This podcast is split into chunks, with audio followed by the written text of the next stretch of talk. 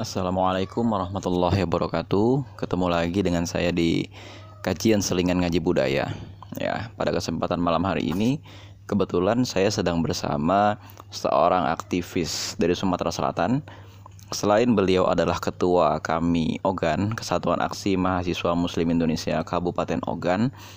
Beliau adalah seorang akademisi hukum gitu ya dari Universitas Sriwijaya. Tempatnya beliau sedang berkuliah di uh, jurusan tata negara. Nah, beliau juga aktif gitu ya untuk mengadvokasi hak-hak petani berserta dengan beberapa rekan-rekan aktivis yang lain di Kabupaten Ogan. Kita sekarang bersama dengan Bang Rizky ya. Uh, selamat malam Bang Rizky, mudah-mudahan dalam keadaan baik-baik saja. Nah, apa bahasan kita malam ini? Bahasan kita malam ini berkisar mengenai rancangan undang-undang yang sedang ramai diperbincangkan orang yaitu Omnibus Law Undang-Undang Cipta Lapangan Kerja yang karena disingkat menjadi Undang-Undang Cilaka. Maka Undang-Undang Cipta Lapangan Kerja ini direvisi nomenklaturnya menjadi Undang-Undang Cipta Kerja. Undang-Undang Cipta Kerja kemudian disingkat menjadi Undang-Undang Cipker. Nah, tapi ternyata ada satu masalah di sini. Masalah pertama, secara kronologi penyusunan undang-undang ini disinyalir mengandung banyak masalah karena ternyata elemen buruh dan elemen pekerja sebagai uh, pihak yang paling terkena dampak langsung dari Undang-Undang Cipta Kerja ini tidak dilibatkan. Ada kurang lebih 3 sampai 5 organisasi buruh yang menggelar aksi. Tapi organisasi-organisasi ini semuanya mengklaim bahwa mereka tidak diajak ikut serta dalam proses pembahasan rancangan undang-undang ini dan kemudian tiba-tiba muncul naskah akademik ini kemudian menimbulkan banyak persepsi orang gitu ya bahwa undang-undang ini memang muncul sebagai titipan dari para pengusaha-pengusaha yang ingin satu buruh tetap dibayar murah untuk mengurangi ongkos produksi dan apalagi ini sinkron juga dengan rencana pemerintah untuk memperluas industri sektor manufaktur. Ya kan? Otomatis sektor manufaktur ini membutuhkan sejumlah besar tenaga kerja dan semakin banyak tenaga kerja yang diperlukan belum tentu mengakibatkan semakin besarnya keuntungan tapi mengakibatkan semakin besarnya ongkos gaji yang harus dibayar oleh para pengusaha-pengusaha korporat itu. Apalagi banyak di antara pejabat di negeri kita yang memang juga sekaligus adalah para korporat ya. Meskipun kita tidak bisa menuduh bahwa atas titipan mereka lah rancangan undang-undang omnibus law ini muncul itu yang pertama, sinyalirnya begitu. Terus yang kedua, rancangan undang-undang Omnibus Law ini muncul di tengah isu, di tengah perdebatan serius bahwa pemerintah yang sekarang itu neolib. Artinya secara ekonomi, pemerintah yang sekarang itu menganut mazhab neoliberalisme. Undang-undang ini sangat-sangat mempermudah investasi. Ya, dengan apa? Investasi ini dipermudah dengan dua hal satu, menyederhanakan aturan-aturan. Dan yang kedua, mengurangi hambatan-hambatan investasi. Aturan-aturan tersebut misalnya adalah berapa pintu yang harus ditempuh, berapa pintu yang harus dikeluarkan perizinannya sebelum suatu dana itu bisa masuk ke Indonesia dan satu benda bisa keluar dari Indonesia. Yang kedua, pajak yang harus dibayarkan itu dikurangi.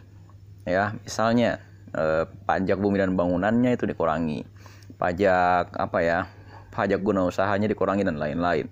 Terus e, berkaitan dengan pengurangan hambatan investasi ini juga misalnya angka gaji yang harus dibayarkan juga jangan tinggi-tinggi.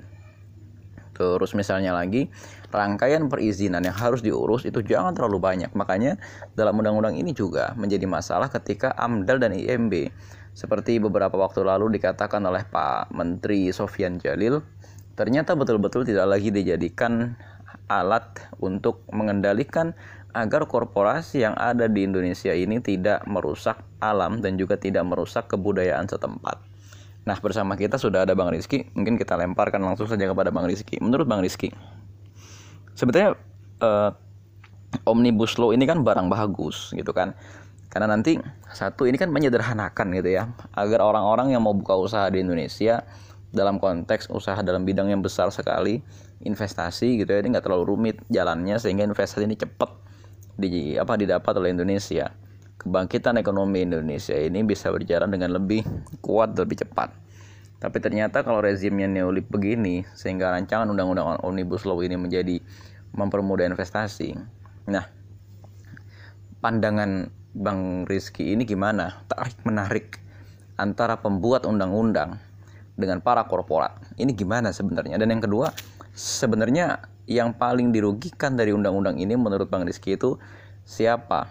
Mungkin karena Bang Rizky ini juga bidangnya bidang hukum bisa di paparkan pasal per pasal yang mana saja yang sudah mengisi kaji yang sangat-sangat merugikan bangsa kita. Silakan Bang Rizky. Waalaikumsalam warahmatullahi wabarakatuh. Terima kasih kepada Bang Amar yang telah memberikan kesempatan dan waktunya untuk berbincang-bincang pada malam hari ini membahas satu isu strategis dan juga menuai banyak kontroversi yaitu mengenai Omnibus Law. Jadi Omnibus Law itu apa? Yaitu suatu undang-undang yang dibuat menyasar suatu isu besar yang dapat mencabut dan mengubah undang-undang secara keseluruhan atau sekaligus tanpa mekanisme konstitusi. Itu cacat prosedur yang pertama. Tapi sebelum kita berbicara secara subjektif, baiknya kita ketahui terlebih dahulu apa itu Omnibus Law. Omnibus Law ini biasa digunakan di negara common law, negara Amerika Serikat. Kemudian juga pernah juga diterapkan di Kanada, kemudian juga Selandia Baru pernah sama. Jadi di dalam bukunya Sacipto Raharjo yang berjudul Ilmu Hukum, beliau mengatakan bahwa dunia ini tidak dijumpai oleh satu sistem hukum saja, tetapi banyak. Di antaranya itu civil law dan common law. Karakteristik dari civil law ada beberapa hal. Yang pertama, adanya sistem kodifikasi atau pembukuan dari undang-undang. Dan yang kedua, tidak terikat doktrin kepala negara atau presiden. Dan yang ketiga itu sistem peradilan itu bersifat aktif, mencari fakta-fakta, mengurai. Jadi tidak hanya pasif. Dan terbagi menjadi dua. Ada yang fokus mengenai hukum privat, keperdataan, dan juga hukum publik pidana, tata negara, administrasi negara, dan sebagainya. Kemudian karakteristik common law, adanya jurisprudensi atau hukum yang sudah di, pernah diputuskan oleh hakim sebelumnya itu bisa digunakan sebagai sumber hukum lagi. Kemudian juga adanya doktrin presiden. Yang ketiga itu adanya sistem peradilan yang kita sebut menggunakan sistem Omnibus Law. Nah, kalau berbicara tentang Omnibus Law Cipta Kerja yang baru saja draft RUU-nya diserahkan ke DPR hari Rabu lalu. Ini berbicara tentang bagaimana kemudian menyunat beberapa perizinan, kemudian juga memudahkan investor untuk melakukan investasi di Indonesia. Karena dianggap selama ini terlalu ribet, terlalu rumit, sehingga banyak investor-investor yang kesulitan untuk melakukan eh, misi-misi mereka, yaitu melakukan investasi di Indonesia. Tetapi di sini ada yang menjadi catatan hitam yang perlu kita garis bawahi secara bersama. Pertama itu banyak pihak-pihak yang dirugikan. Nantilah kita berbicara tentang keuntungan. Memang secara kasat mata sistem ini begitu mulia, tujuannya mulia, yaitu cipta lapangan kerja, menciptakan lapangan kerja baru. Sedangkan tokoh-tokoh ekonomi seperti Faisal Basri. Pak Faisal Basri juga menjelaskan bahwa undang-undang ini atau RUU ini Omnibus Law ini sebenarnya belum perlu. Sebab angka pengangguran kita menurun. Kemudian juga investasi juga sedang keadaan stabil. Artinya ini untuk siapa? Jika dikatakan ini titipan, bisa jadi. Kalau berbicara lebih jauh, kita berbicara undang-undang atau regulasi. Secara sederhana seperti ini. Undang-undang itu disahkan atau diketuk setelah semua kompromi-kompromi itu berjalan dengan lancar. Semua kepentingan-kepentingan itu telah diakomodir, maka diundangkanlah RUU tersebut. Itu secara politis. Tetapi kembali lagi ke Omnibus Law. Investasi ini dianggap bisa merugikan masyarakat secara umum. Terlebih lagi publik atau masyarakat yang dikambing hitamkan itu tidak langsung dilibatkan. Tidak langsung dilibatkan seperti apa? Dalam pembahasannya, ini terlalu tertutup atau tidak transparan. Kemudian juga yang dilibatkan ini hanya oligarki-oligarki atau pemilik modal. Lantas lapangan kerja untuk siapa yang akan dibuat ini kelak? Nah, kemudian juga ini berpotensi menabrak ekologi atau tata ruang karena banyak, ini investasi-investasinya banyak. Ini bakal merusak sistem. Bakal merusak eh, SDA-SDA yang ada.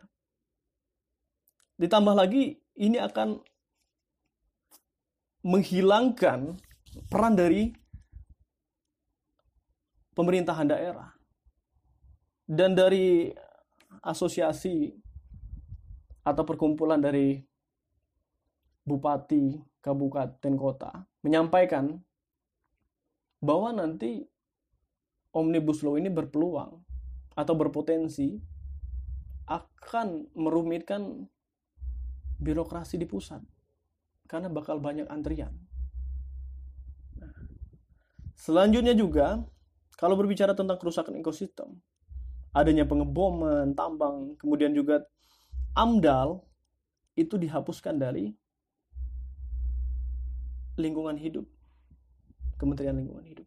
Kemudian dimasukkan dalam usaha atau izin usaha. Sedangkan banyak sekali tambang-tambang yang menyebabkan penyakit. Kemudian juga investasi yang ini dapat menginjak hak-hak asasi manusia karena buruh tani, nelayan, dan kemudian juga masyarakat miskin. Bayangkan jika lahan petani direbut tanpa ampun dengan dalih tidak ada sertifikat, artinya mirip zaman kolonial yang menggunakan akses domain perklaring. Orang yang tidak punya sertifikat itu bagaimana mereka membuktikan bahwa ini lahan mereka, sedangkan mereka sudah lama duduk di sana. Itu yang dirugikan. Kemudian juga ada beberapa yang menarik di sini.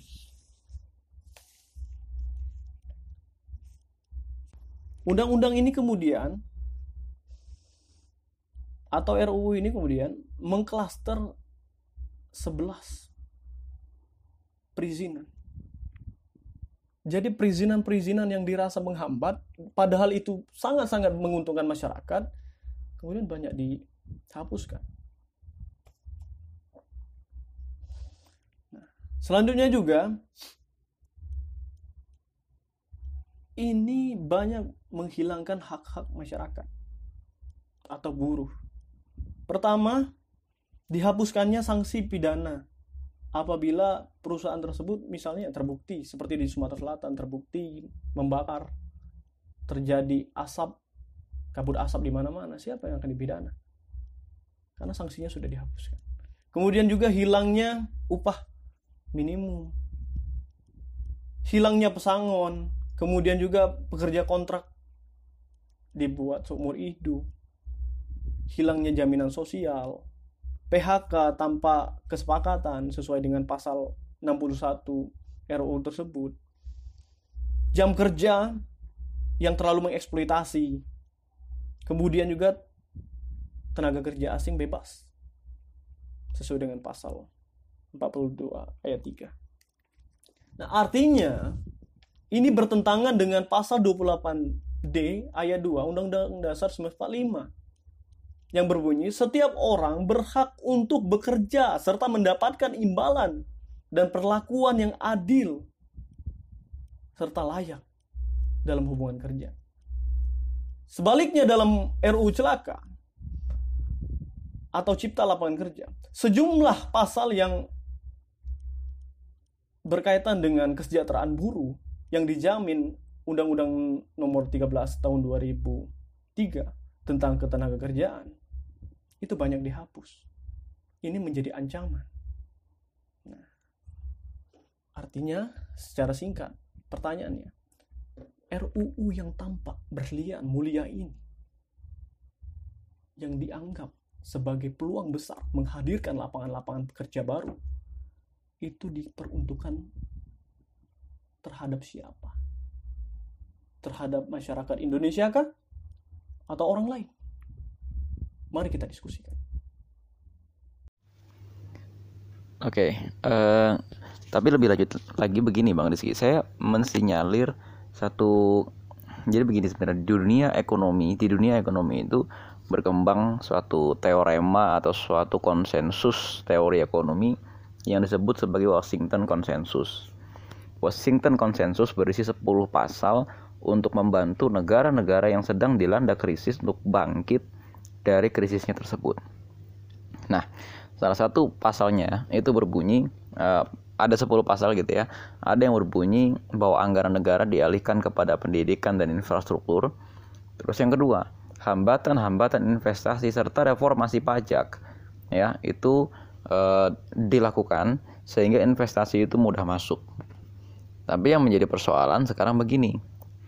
Uh, investasi ini masuk kan dalam konteksnya begini ada nanti sejumlah besar korporasi-korporasi asing masuk ke Indonesia dan tentu mengintervensi upah minimum yang harus dibayarkan. Karena apa?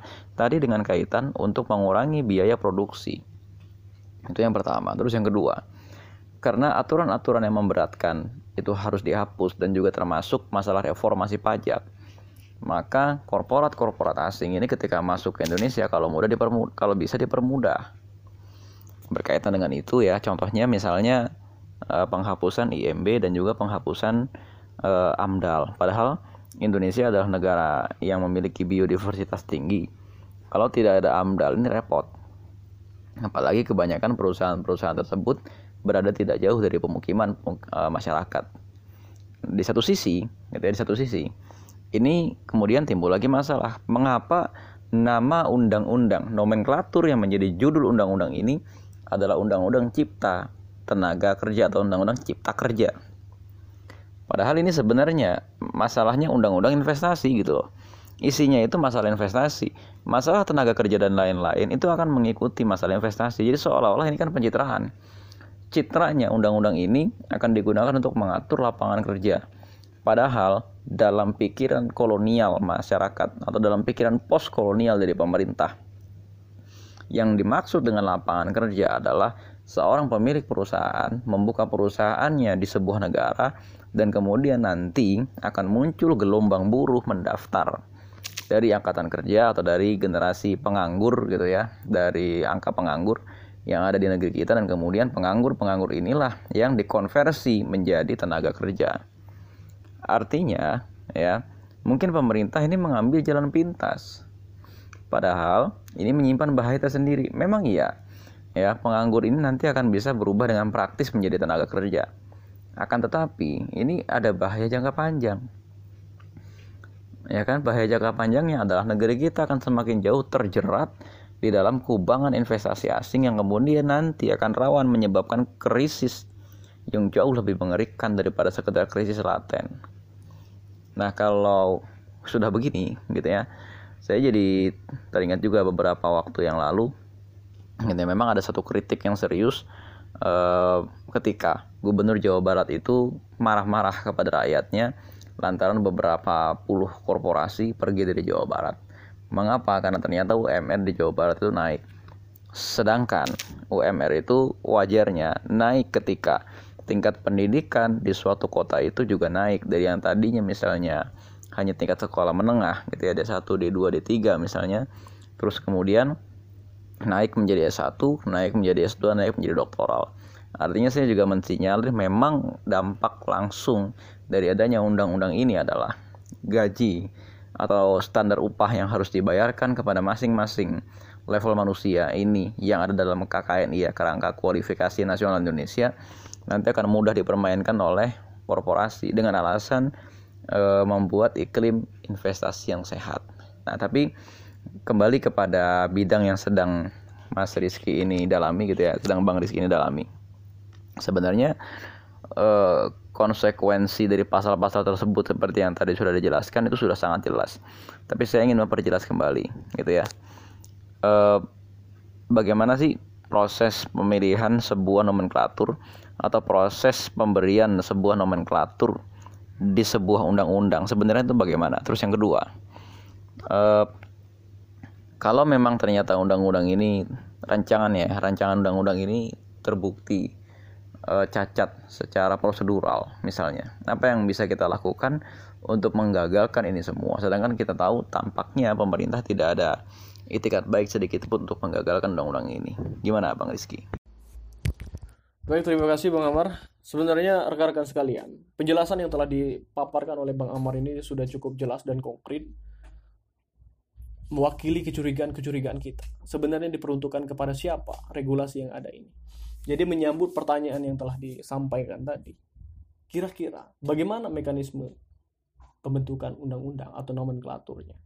Jadi sebenarnya sudah dijelaskan di dalam Undang-Undang Nomor 12 Tahun 2011 bahwa prolegnas atau rancangan undang-undang itu diawali beberapa tahapan. Perencanaan diawali itu pertama itu perencanaan, kemudian itu baru diadakan penyusunan, setelah itu adanya pembahasan, kemudian itu adanya pengesahan dan baru diundangkan. Begitu panjang. Lantas kemudian disingkat saja dan diklaster melalui satu undang-undang Omnibus Law. Itu yang tidak lazim digunakan. Dan kemudian juga Indonesia saat ini sedang mengalami hiperregulasi. Bayangkan saja,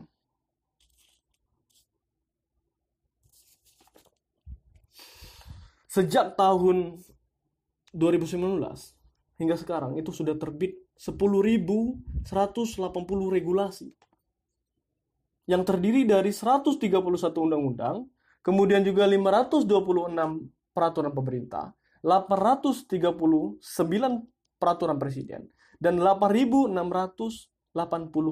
peraturan menteri. Ini akan berdampak pada tumpang tindihnya aturan yang menghambat akses layanan publik dan menimbulkan ketidakpastian hukum. Ditabrak semuanya. Hal-hal yang berkenaan tentang bakal menyulitkan investasi masuk ditabrak. Nomenklaturnya juga jelas. Bahwa ini nomenklatur untuk investasi. Bukan untuk menciptakan lapangan kerja. Dan lapangan kerja itu akan terikut apabila memang sistemnya sudah bagus. Sistem di perusahaan tersebut sudah bagus. Dan parahnya, orang-orang yang tadinya akan di PHK itu akan digantikan pelatihan selama enam bulan. Apa yakin? Dalam tempo waktu yang singkat tersebut, mereka sudah akan dapat kerjaan. Nah, jadi kalau beranggapan investasi ini dikarenakan oleh sistem bukan tapi ini karena buruknya tata kelola birokrasi yang ada di Indonesia kemudian juga maraknya kasus-kasus korupsi yang ada. Contohnya saja kasus Jiwasraya. Habis muka BUMN itu. Bagaimana investasi mau masuk? Bagaimana investor mau menanamkan modalnya di Indonesia? Jadi jangan mengkambing hitamkan buruh, jangan mengkambing hitamkan masyarakat. Seolah-olah masyarakat menyambut baik tidak. Nah, dan bagaimana mekanisme selanjutnya? Apabila rancangan undang-undang ini itu disahkan atau diundangkan? Ya, itu kita menggunakan jalur konstitusi. Diadakan judicial review. Jadi sudah jelas sebenarnya neo kolonial sekali, bahkan neoliberalisme sekali. RUU ini tidak menampung aspirasi masyarakat. Masyarakat hanya dijadikan kamuflase. Benar kalau dikatakan pencitraan. Jadi seolah-olah ini diperuntukkan untuk masyarakat umum, tapi faktanya ini bukan untuk masyarakat umum. Tapi ini menyengsarakan masyarakat umum. Jadi alih-alih menciptakan lapangan kerja, bisa-bisa yang terjadi adalah adalah PHK massal di Indonesia. Itu. Dan tugas kita semua untuk mengawal regulasi ini. Dan bahkan sudah kami himpun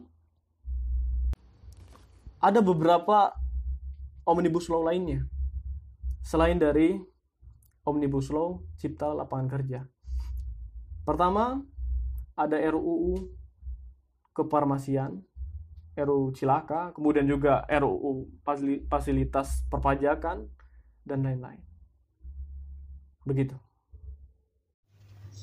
Nah, ini ada satu jawaban yang menarik gitu ya dari pemerintah dan juga dari ekspresi undang-undang ini yang memungkinkan atau memang mewajibkan Kewenangan yang tadinya sudah didesentralisasi ke pemerintah daerah berupa proses perizinan dan lain-lain ternyata diambil alih kembali oleh pemerintah pusat.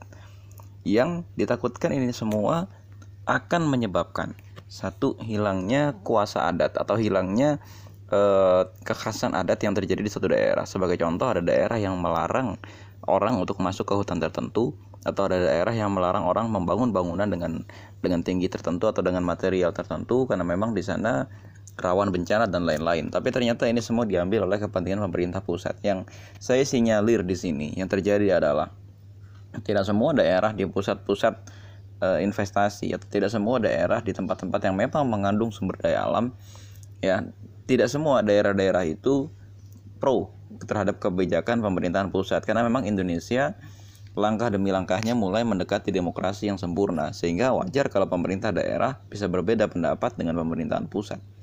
Nah, hadirnya undang-undang ini saya sinyalir kuat sekali gitu ya. Untuk memang melawan proses demokrasi yang justru sedang terjadi sehingga desentralisasi yang tadinya diberikan secara penuh oleh pemerintahan pusat kepada pemerintahan daerah kecuali pada persoalan fiskal dan militer ternyata diambil alih kembali oleh pemerintahan pusat dengan alasan untuk mempermudah investasi.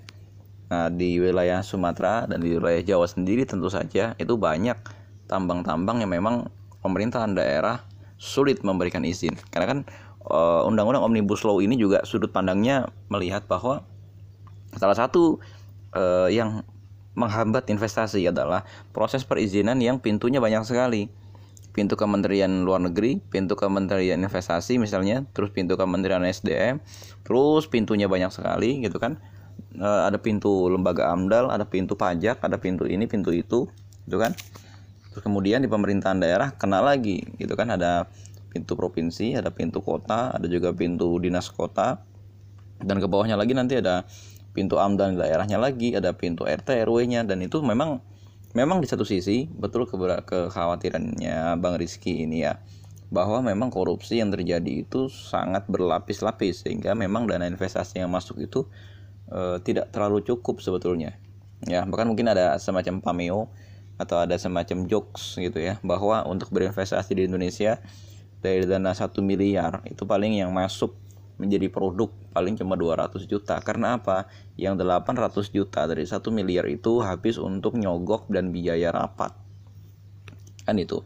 Nah di satu sisi eh, memang tadi saya juga melihat ya bahwa tidak tidak tidak semua pemerintahan daerah dalam konteks ini menghalang-halangi investasi, tapi memang tampaknya pemerintahan pusat atau pembuat rancangan undang-undang Cipker ini memandang bahwa pemerintahan daerah dengan segala kerumitannya aturan-aturan yang ditetapkan oleh pemerintahan daerah untuk pemertahanan bahasa, misalnya untuk pemertahanan e, budaya, untuk juga pemertahanan sumber daya alam, keseimbangan, pembangunan dan lain-lain, oleh pemerintahan pusat dianggap sebagai hal yang menghambat investasi. Gitu ya, apalagi jika partai pemerintahan daerah berkuasa berbeda dengan partai pemerintahan pusat. Jika wali kota dari pemerintahan daerah itu ternyata atau bupati dari pemerintahan daerah itu berbeda dengan bupati atau berbeda dengan gubernur dan presiden dari pemerintahan pusat secara ideologi politik. Nah, ini memang yang menarik. Ternyata Undang-Undang Cipta Kerja itu tampaknya masalah pertama yang dia lihat itu adalah uh, rumitnya aturan-aturan gitu ya yang malah menjebak pemerintahan pusat sendiri ketika misalnya dia menurunkan investasi. Mungkin juga latar belakangnya begini ya. Pada tahun 2018 dan 2019 pemerintahan Jokowi JK itu memang giat sekali mengadakan forum-forum internasional di Indonesia dan juga menghadiri forum-forum internasional yang berkaitan dengan investasi di negara lain.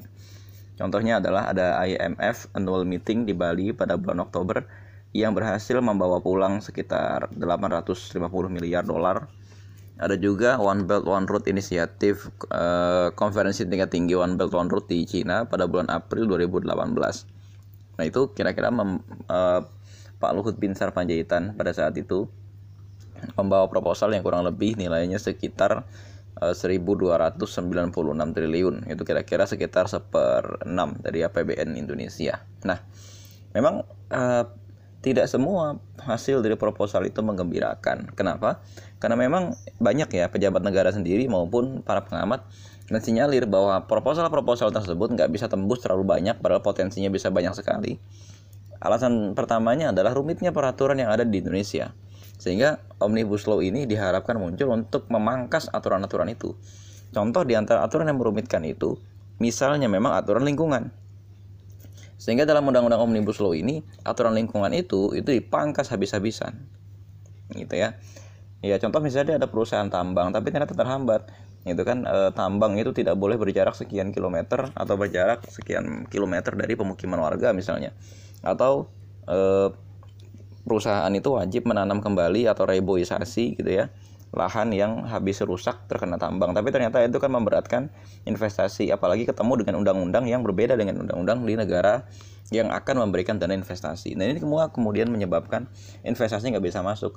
Sudah gitu tadi ya ditambah dengan peraturan-peraturan daerah yang berbeda dengan peraturan dari pemerintahan pusat atau yang lebih detail daripada peraturan pemerintahan pusat. Ya sehingga investasi susah masuk. Memang sih niatnya pemerintahan pusat itu bagus dan kepada wali kota saya yakin pemerintahan pusat itu ngebargain bahwa kalau di daerah ada, ada pengangguran sejumlah sekian ada tamatan SMA dan SMK yang menganggur sejumlah sekian masuknya perusahaan-perusahaan ini akan bisa menyebabkan tenaga kerja terserap. Tapi kemudian ini caranya terlalu praktis sehingga kerusakan jangka panjang yang bisa dihasilkan oleh undang-undang omni cipta kerja ini malah semakin besar. Nah kalau mungkin gini Bagaimana tanggapan Bang Rizky mengenai apa yang saya sampaikan ini? Apakah betul memang salah satunya secara tata negara gitu ya, peraturan yang ada di tingkat pusat terus kemudian diterjemahkan dengan peraturan-peraturan yang lebih detail di tingkat daerah dan juga peraturan yang lebih detail lagi di tingkat kota kabupaten.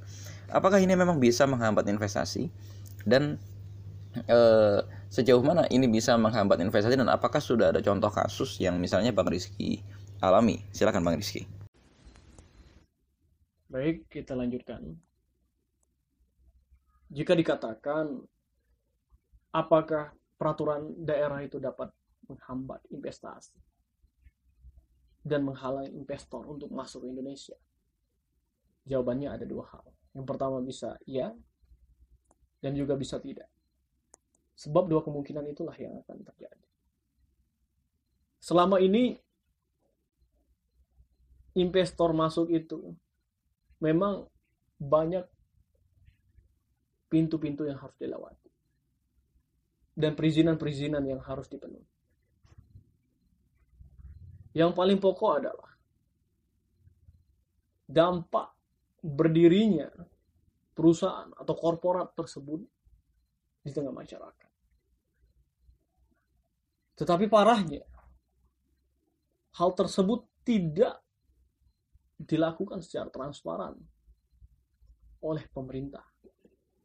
Saya meyakini bahwa pihak perusahaan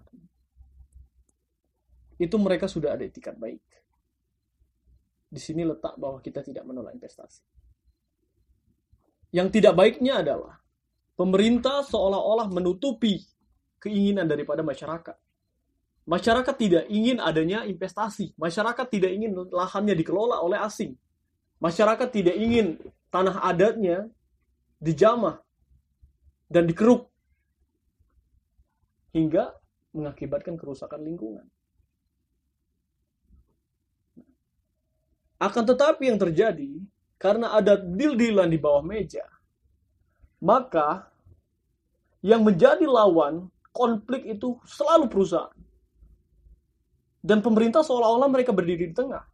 Padahal mereka sebenarnya, oknum-oknum tersebutlah yang menjadi biang persoalan apabila terjadi huru hara di tengah masyarakat. Contohnya saja berbicara tentang ketenaga kerjaan. 60% itu memang harus warga masyarakat sana yang diminta oleh pemerintah. Tetapi dari 60% itu, kadangkala 50%-nya itu dari keluarga bupati itu sendiri atau dari keluarga wali kota itu sendiri. Nepotisme yang terjadi di daerah inilah yang kemudian membuat kesal masyarakat.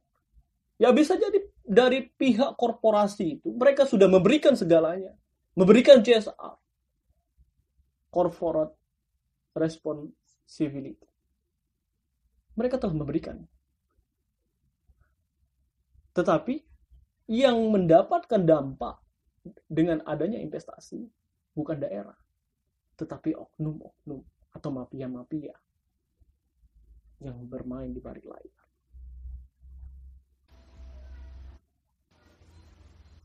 Ini bikin isapat jempol.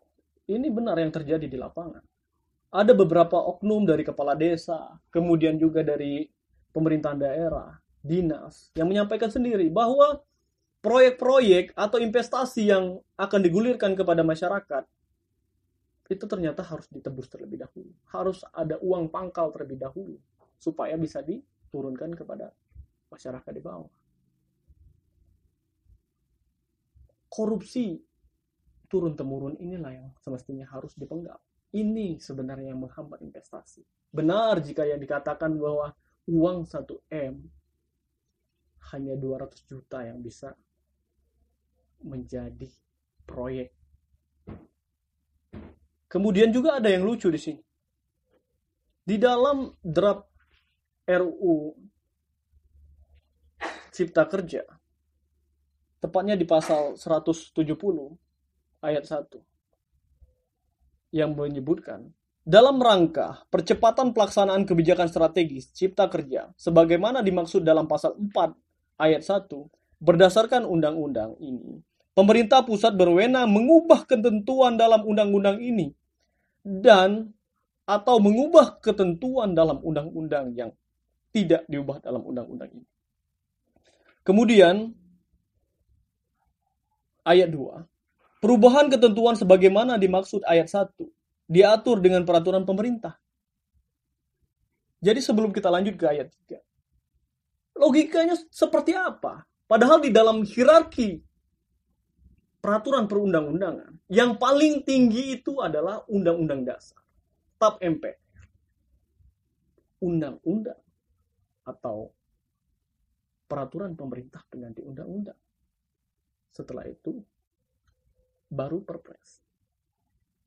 Dilanjutkan oleh perda.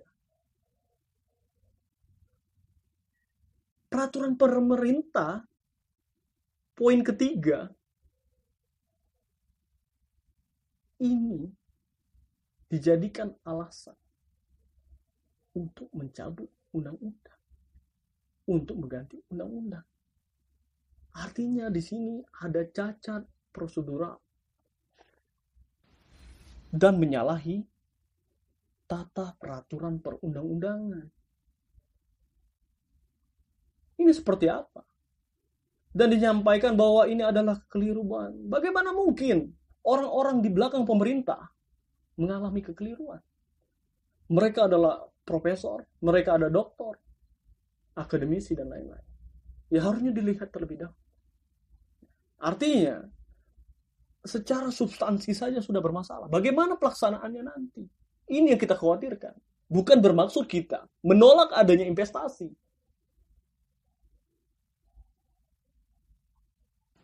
Kemudian juga berbicara tentang hak-hak yang akan didapatkan oleh para buruh. Seperti yang telah kita jelaskan di awal tadi. Bahwa banyak hak-hak yang dipenggal, yang dipangkas, yang disunat. Salah satunya yang akan saya ulangi adalah hak untuk mendapatkan cuti ketika sedang hamil. Sudah jelas diatur di dalam pasal 82 Undang-Undang Nomor 13 tahun 2003 tentang ketenaga kerjaan menyebutkan bahwa pekerja atau buruh perempuan berhak memperoleh istirahat selama satu setengah bulan sebelum saatnya melahirkan anak dan satu setengah bulan setelah sudah melahirkan menurut perhitungan dokter kandungan atau bidan. Pekerja atau buruh perempuan yang mengalami keguguran kandungan berhak memperoleh istirahat satu setengah bulan atau sesuai dengan surat keterangan dokter kandungan. Sedangkan itu ditiadakan. Belum lagi menggunakan jam kerja sebagai indikator mendapatkan upah. Artinya diskriminatif sekali. Ini undang-undang untuk investasi. Sebagai penutup, saya katakan bahwa undang-undang cipta kerja ini begitu ideal apabila diterapkan di suatu negara yang memang suasana investasinya sudah kondusif. Kemudian juga kesejahteraan sudah merata. Kemakmuran sudah didapatkan oleh rakyat. Baru kita bisa laksanakan. Bukan kita tidak ingin berpikir maju ke depan. Tetapi jangan sampai regulasi yang sudah ditetapkan atau tata pembuatan undang-undang atau peraturan perundang-undangan yang sudah ada mekanismenya itu dilompat karena ada kepentingan sesaat. Karena ada motif-motif tertentu. Saya pikir itu banyak sekali referensi-referensi yang dapat kita baca. Referensi yang dapat kita gaji. Mari kita sama-sama menggali. Karena memang kita sebagai negara hukum harus melek hukum. Dan jangan sampai hukum kemudian dibuat semena-mena untuk mengkebiri masyarakatnya sendiri. Sekian. Assalamualaikum warahmatullahi wabarakatuh. Wow, itu tadi jawaban yang cukup menggebu-gebu gitu ya dari Bang Rizky. Nah, sekali lagi teman-teman sekalian, saya dan Bang Rizky di sini bukan dalam posisi menolak investasi ya. Tapi saya dengan Bang Rizky di sini dalam posisi untuk tetap memang negeri kita itu butuh investasi bagaimanapun. Satu berkaitan dengan e, memang posisi kita di tengah-tengah dunia internasional kita perlu bantuan. Memang untuk merawat sumber daya alam kita untuk menggunakan sumber daya alam kita yang nantinya memang digunakan juga untuk kemakmuran negeri kita. Akan tetapi bila kemudian yang terjadi ketika kita menawarkan bantuan atau ketika kita menawarkan uh, potensi sumber daya alam kita kepada negeri lain, tapi yang terjadi negeri lain malah ingin menjajah negeri kita lebih jauh, gitu ya. Malah nggak ada bedanya antara tanah negeri kita dengan tanah negeri lain. Bahkan ketika perusahaan lokal yang sama-sama bangsa kita saja mau mengelola lahan yang ada di sekitar tempat kita, itu perlu memperhatikan lingkungan, perlu juga memperhatikan masalah-masalah budaya, perlu juga memperhatikan masalah adat Loh ini malah ada perusahaan asing datang diundang ke Indonesia, semua aturan itu ditabrak bahkan malah diubah. Ini kan gila makanya. Ibaratnya bangsa kita ini menjadi bangsa yang senang diproyekin gitu jadinya. Nah ini ya makanya mafia-mafia proyek. Nah, cuman kemudian mungkin gara-gara kalau dulu mafia-mafia semacam ini ilegal, ketika mafia-mafia ini berkuasa dalam sistem pemerintahan, mafia-mafia ini melegalkan kejahatannya. Tapi kita sebagai rakyat tidak akan pernah kehilangan nurani kita kita sebagai rakyat tidak akan pernah kehilangan akal sehat bahwa ini semua salah, bahwa ini semua merusak hutan di Indonesia, bahwa ini semua mengancam budaya kita. Dan kita sebagai mahasiswa, kita sebagai generasi muda masih punya akal sehat untuk bisa melawan ini semua. Nah, teman-teman sekalian, uh, itulah sesi diskusi kita kali ini gitu ya yang cukup keras memang karena memang ini kalau tidak kita lawan ini akan menjadi barang yang bahaya banget gitu ya ini kan barang bahasanya ya negeri kita itu punya banyak sekali sumber daya alam terus kemudian investor-investor asing tapi jahat itu nggak bisa masuk. Cuma kemudian tampaknya investor-investor asing tapi jahat ini bersahabat dengan elemen yang sekarang ada di pemerintahan negeri kita. Pemerintahan negeri kita tentu saja tidak jahat tapi ada oknum jahat yang kemudian dengan segala kekuasaan yang dia punya di pemerintahan hari ini, beliau melegalkan kejahatannya agar penjahat-penjahat itu bisa mengelola alam di Indonesia, bisa mengeruk keuntungan di Indonesia. Nah, ini ya teman-teman sekalian, mudah-mudahan bisa jadi pembelajaran yang baik buat kita. Terima kasih kepada Bang Rizky dari Ogan. Mudah-mudahan aktivitas beliau bisa mengusir kebatilan sampai sejauh-jauhnya, bisa mengembalikan hak-hak rakyat yang ditindas bisa mengembalikan hak umat gitu ya kalau bahasa kita dan bisa tetap menjadi oposisi kebatilan yang efektif. Assalamualaikum warahmatullahi wabarakatuh.